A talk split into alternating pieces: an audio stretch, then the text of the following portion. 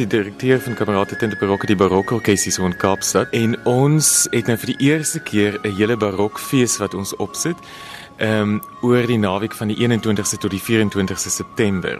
So dis 4 dae, daar's 7 geleenthede waarvan 5 daarvan konserte is. So ons begin op die donderdag aand met 'n groot uh, barok opera gala en ons is baie gelukkig om vir Lenel Kenneth as soliste, vir Bongani Kubeka en um, Elsie Richter en ehm um, Sandile Mabaso en die Cape uh, Kamerkoor.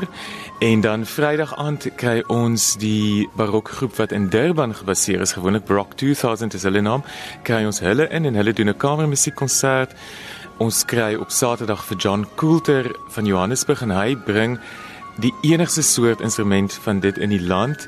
Dit is 'n kopie van 'n laat 18de eeu se klavier bring hy. En hy doen 'n solo recital op die die klavier wat hy saambring En Saterdag aand het ons die plaaslike Vox koor en hulle doen 'n Mozart en Haydn koormusiek saam met kamerade Tente Barocca. En dan het ons op Saterdag 'n baie spesiale ding ook wat wat wat nie baie gebeur nie. Ons het die um, restaurasie argitek John Rennie en met ingestem om vir ons 'n uh, historiese geboue toer van die van die sentrum van Kaapstad te doen. So hy fokus op St Andrews waar die meeste van die konserte is, maar ook die Lutherse kerk in Strandstraat en dan van die ehm um, moskeeë in die De Waterkant area. So hy doen dan 'n toer en vat vir mense na die historiese geboue en hy was ook betrokke met restaurasie van hierdie geboue. So hy het regtig 'n intieme kennis van die gebou. Dan Sondagoggend is daar in die Lutherse kerk in Strandstraat die plaaslike vokale groep Cape Consort en hulle doen musiek van Bach en sy tydgenote en familie en dan eindig ons op Sondag middag af met 'n baie spesiale geleentheid. Dit is 'n uh, alt sangeres en haar man. En nou sy sy is 'n opera sangeres en haar man is 'n chef, Mark Wasum en hulle het 'n besigheid wat hulle noem Sing for Your Supper. So jy kom en dan is daar kos en musiek gekombineer.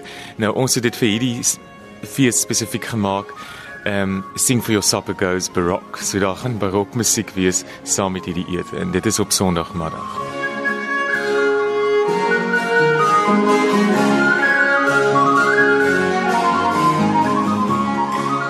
Ek het altyd vir jou gevra waar kom jou belangstelling in barokmusiek vandaan? Dis dis 'n dis 'n baie interessante vraag. Ek was 17 en ek kan die oomblik onthou toe ek die eerste toevallig serie ontdek het van ehm um, barokmusiek wat op oorspronklike instrumente gespeel is.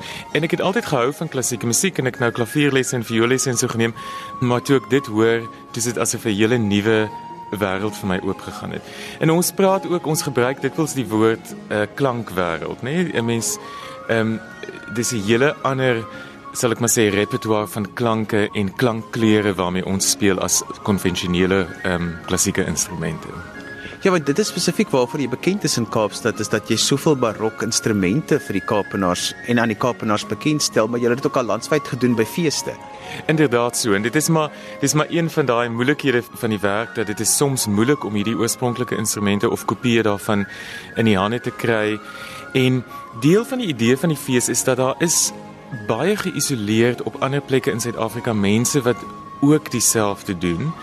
En ek voel Omdat kamerade Tinte Barocca in 'n gelukkige posisie is dat ons soveel uitgebrei het oor die afgelope 2 jaar. Op 'n manier is hierdie fees dat ons almal in die land kan saambring, dat almal kan saamwerk en dat ek 'n platform vir vir almal kan gee om om hierso te speel en hulle werk tentoon te stel. So dit gaan meer as net oor die musiek en en dit is natuurlik wonder, maar dit gaan ook vir my 'n bietjie oor 'n samekoms van van soos ons sê like-minded mense op 'n musikale vlak.